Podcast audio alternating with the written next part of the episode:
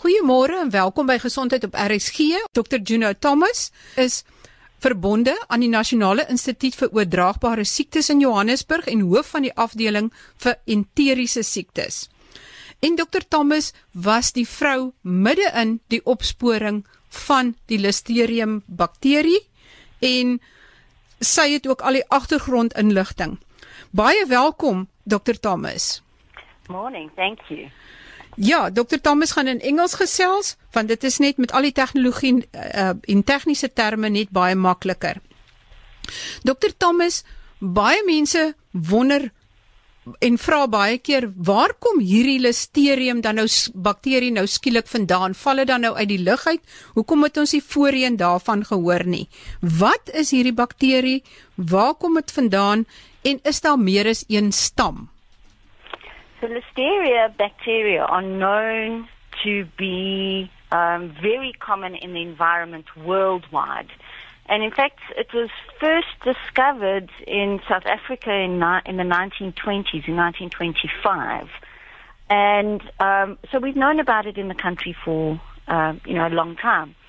And worldwide, it's found in soil, in water, in natural vegetation, and some animals also can carry it in their gut. But it generally is not a problem for human health unless it contaminates food, and then people eat the contaminated food. And worldwide, we see what we call sporadic cases. So these are just, you know, particularly people at high risk for developing disease will, will develop illness and you can't necessarily link it to a common food type, but increasingly we're seeing outbreaks where there is um, a source of contaminated food that many people are exposed to and that you know some of those people will then develop disease and we can link it to the source itself. And there are many strains so uh, firstly listeria is is a, a a family of organisms and the specific type that causes disease in humans is called Listeria monocytogenes. And, and that's the type that we've been dealing with. But even within that organism, Listeria monocytogenes, there are hundreds, if not thousands, of different strains. And we, we can do different kinds of typing in the laboratory. And the most uh, exact typing we can do is basically genetic fingerprinting of the bacteria. And that's called whole genome sequencing. And that's what we've done with the bacteria that we found causing illness in patients as well as from the foods that have been implicated and the production facilities of those foods so that we can match the exact genetic strain. And this strain that we've been seeing is called sequence type 6 or ST6, but there are hundreds of different sequence types. Um, we just happen to be experiencing an outbreak with ST6 at the moment. So die ST6 stam uh, en die genetika daarvan het julle gehelp om dit uh, seker te maak dat dit presies dieselfde een is wat in die die mense siek gemaak het en wat in die fabrieke gevind is. Exactly. Yes. So it's basically like doing um you know if you take a person's blood and you can do a genetic test. Um and that's you know so if you think of if you you know try and tell whether uh, a parent and child are related or siblings are related, you can do a genetic test basically. Um, and it's exactly the same process that we use for, for the bacteria. So we, we look at the, there's three million base pairs in the bacteria's DNA, and we look at that and we match it um, exactly, and then we can tell how related the bacteria are. So we know without a doubt that over 90% of the, the bacteria that have caused illness in people since the beginning of January are um, this ST6 strain, and we've linked that to products and the the factory that produces the enterprise um, foods polony and uh, to, you know polony from the Polokwane factory. En buiten dat mens nou akkuraat kan sê van wat die oorsprong is, die bron vasstel, is daar is een stam gevaarliker as 'n ander of nie? So within Listeria monocytogenes itself, um, they can all cause human disease. The ST6 in particular has been shown that in, in cases where people develop meningitis or infection of the brain and the linings of, of the brain and the spinal cord, that if you have a brain infection with ST6, you may um, develop more complications than someone who has a meningitis with another kind of sequence type. But apart from that, there's no evidence that ST6 generally is more dangerous and you're more likely to develop disease if you eat contaminated food.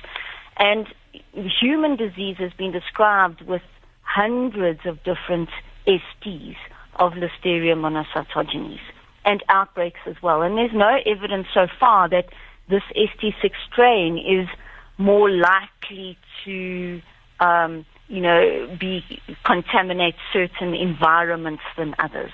Um, Listeria monocytogenes of many sequence types have caused outbreaks in ready-to-eat processed meats around the world. So word die meeste in uh, vervoora vervaardigde of verwerkte vleise gevind. Yes, so um processed, ready to eat processed meats are a particular high risk group of foods for, for being contaminated with listeria and causing outbreaks. And this is because listeria likes to multiply and grow in, in foods that are refrigerated.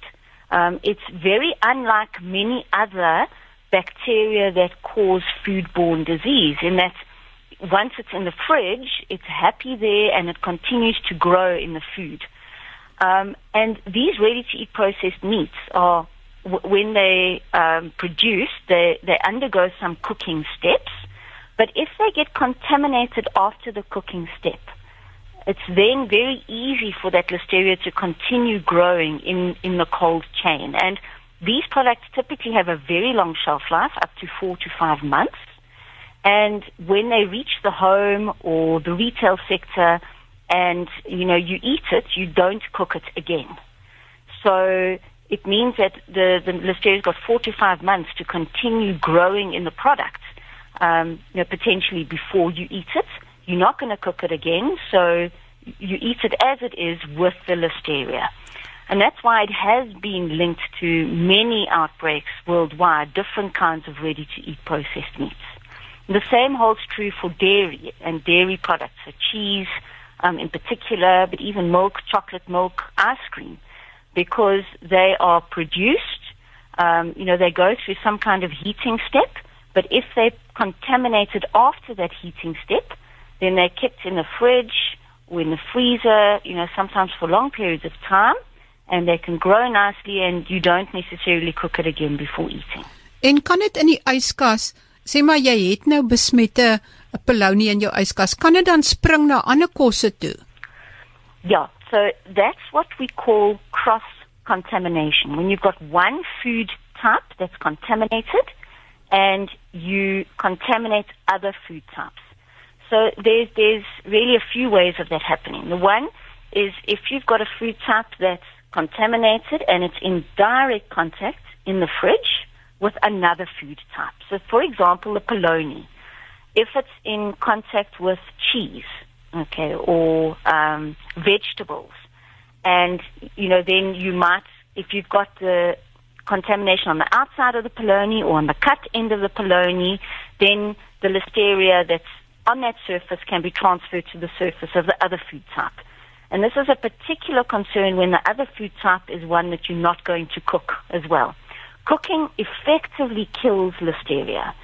So it's typically foods that are not cooked, um, that are very good uh, ways to infect people. So that's why ready to eat processed meats, dairy products, and fresh fruits and vegetables that aren't cooked um, have been linked to many outbreaks. But it's not only in the fridge; it's also in in your kitchen. So you know that your your cutting your cutting boards and your knives and forks and things. If you're using it on a contaminated food product like a polony, say you're cutting a polony, and then you use that same knife and that same chopping board to cut a tomato that you're going to put on your you know on, on your sandwich or in a salad or, or whatever, then you can transmit the the listeria from that polony or contaminated item to others. And one of the concerns with this outbreak is that we found listeria contaminating the outside of the polony casings, you know, that sort of plastic covering.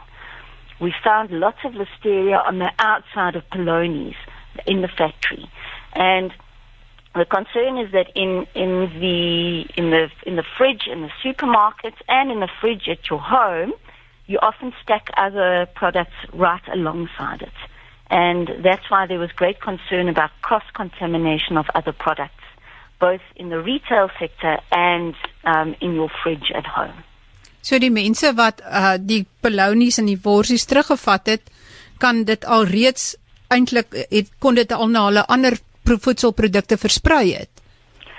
So it may have, um, depending on what kind of items it was next to in the fridge, and that's why, um, you know, we recommended that if you had any of these um, implicated items that were recalled, you put them in a plastic bag immediately. Um, you either took it back to to the retailer or you contacted your municipality. And in the meantime, you cleaned out your fridge, all your your um, utensils, your cutting boards, your kitchen surfaces, washed it out with hot water and soap, followed by wiping down with a dilute bleach solution of um, a capful of ordinary household bleach in a liter of water, or a, a teaspoon actually, in a liter of water.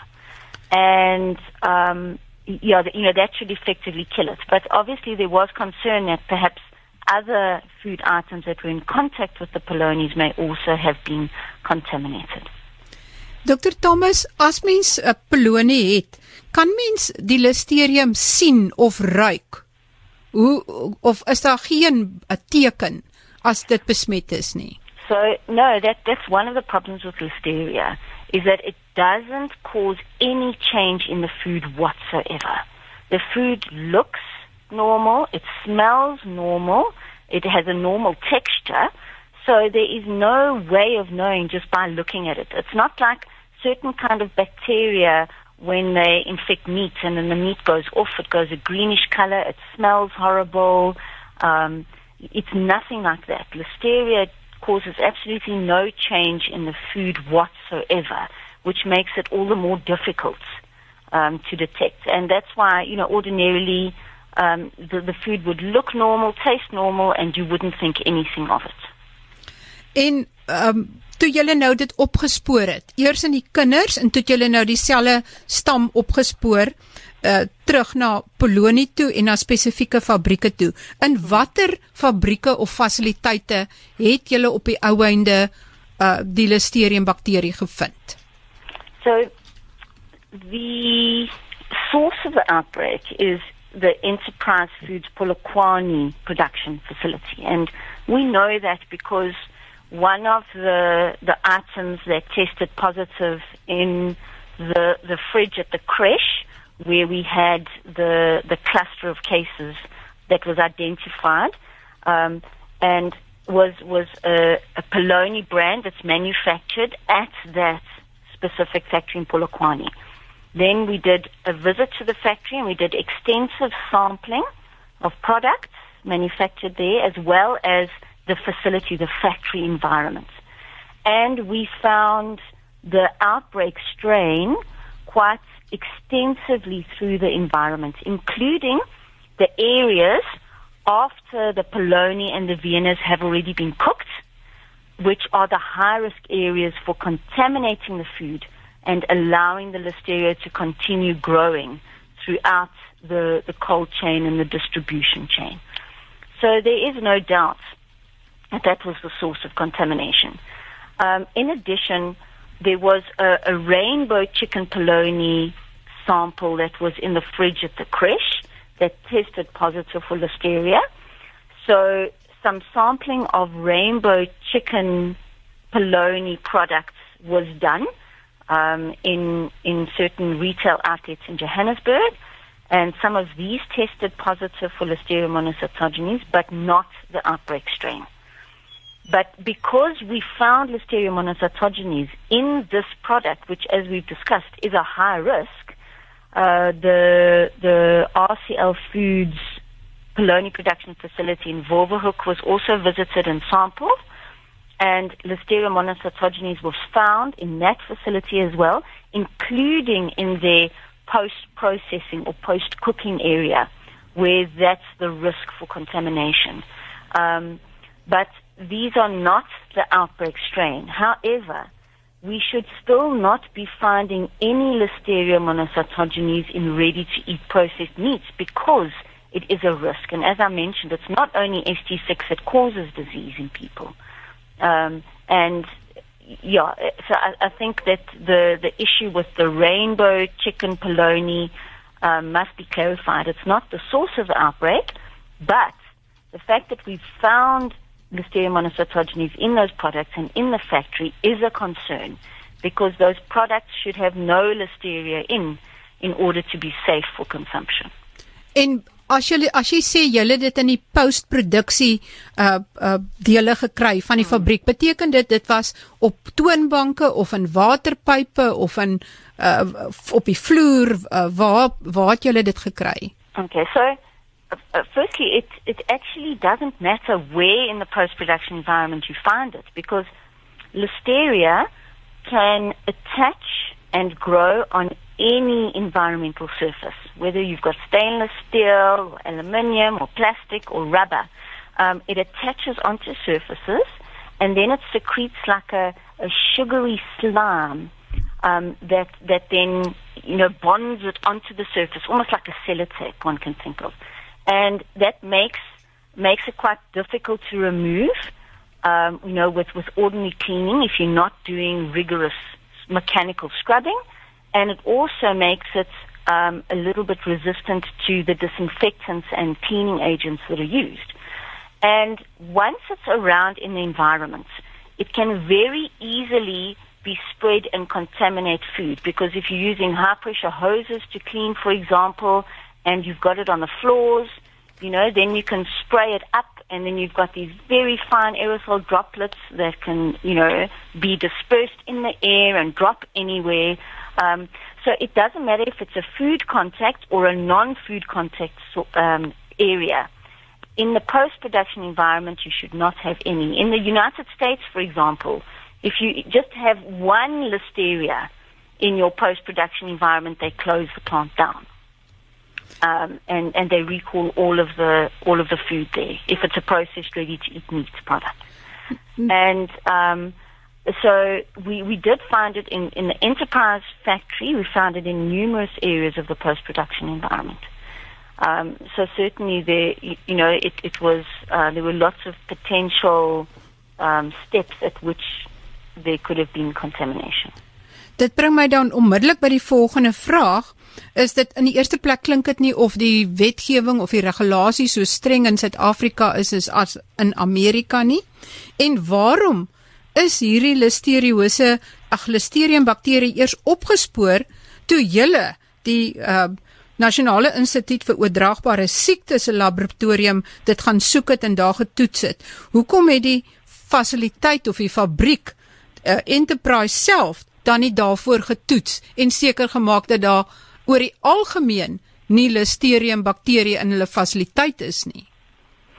So yeah, I, I think it's a it's a very complex question, and obviously it's it's the most important question we have to deal with now. So you know, where are the gaps that led to this outbreak? And I, I think that there are many factors. So the one is that our food safety regulations are outdated and do need to be urgently revised to take into account the nature of food processing and food production that's happening, um, and also to take into account the fact that we, we have a lot of vulnerable people in the population. Um, you know, we've got high HIV prevalence rates, and HIV is a risk factor for, you know, a, uh, people at HIV are at high risk for certain foodborne diseases more than others. You know, we've got more and more people with cancer, with diabetes, with other autoimmune diseases, um, lots of pregnant women. So we've got a vulnerable, an increasing vulnerable group of people in the country. And we need to urgently revise our food safety regulations. The next problem was that uh, f- food safety monitoring falls under environmental health at a municipality level. So every municipality is responsible for um, making sure they have that, that they have enough environmental health practitioners that are able to go around and do inspections and monitoring. And this isn't the case um, in many municipalities because municipalities decide on where they prioritize spending and on on what functions their environmental health officers are, are prioritized to do. And and then of course it comes to the food producers themselves. And you know, for many reasons historically, um, many of the food producers have have ended up self-regulating themselves. Um, and I think again, the onus has then been on them to make sure that they're doing the right thing, that they are able to get the right expertise and the right advice about how to assess the risks in their particular food production environment um, and tailor it to the kind of food they're making. Because different food types and different food products are at risk for contamination with different kinds of of bacteria and fungi and viruses. And so you need different control steps and different monitoring programs. So certainly, I think, you know, it, it, it's clear that the monitoring program that was in place um, at the facility for listeria particularly was was not um, comprehensive enough in order to be able to to detect these sorts of issues. Dr Thomas, baie baie dankie vir al hierdie inligting. Ek sal ek het nog baie vrae wat ek vir u wil stel, maar die tyd het ons ingehaal. Ja, ja. Baie dankie en ek sal definitief 'n reëling maak dat ons weer kan gesels en soos die luisteraars gehoor het, daar het eintlik 3 groot gapings waar die moniteringsproses eintlik die land en sy mense in die steek gelaat het. Ons gesels volgende week weer gesondheidsake en ehm um, so skakel gerus weer in tot volgende week dan. Van my Marie Hudson, totsiens.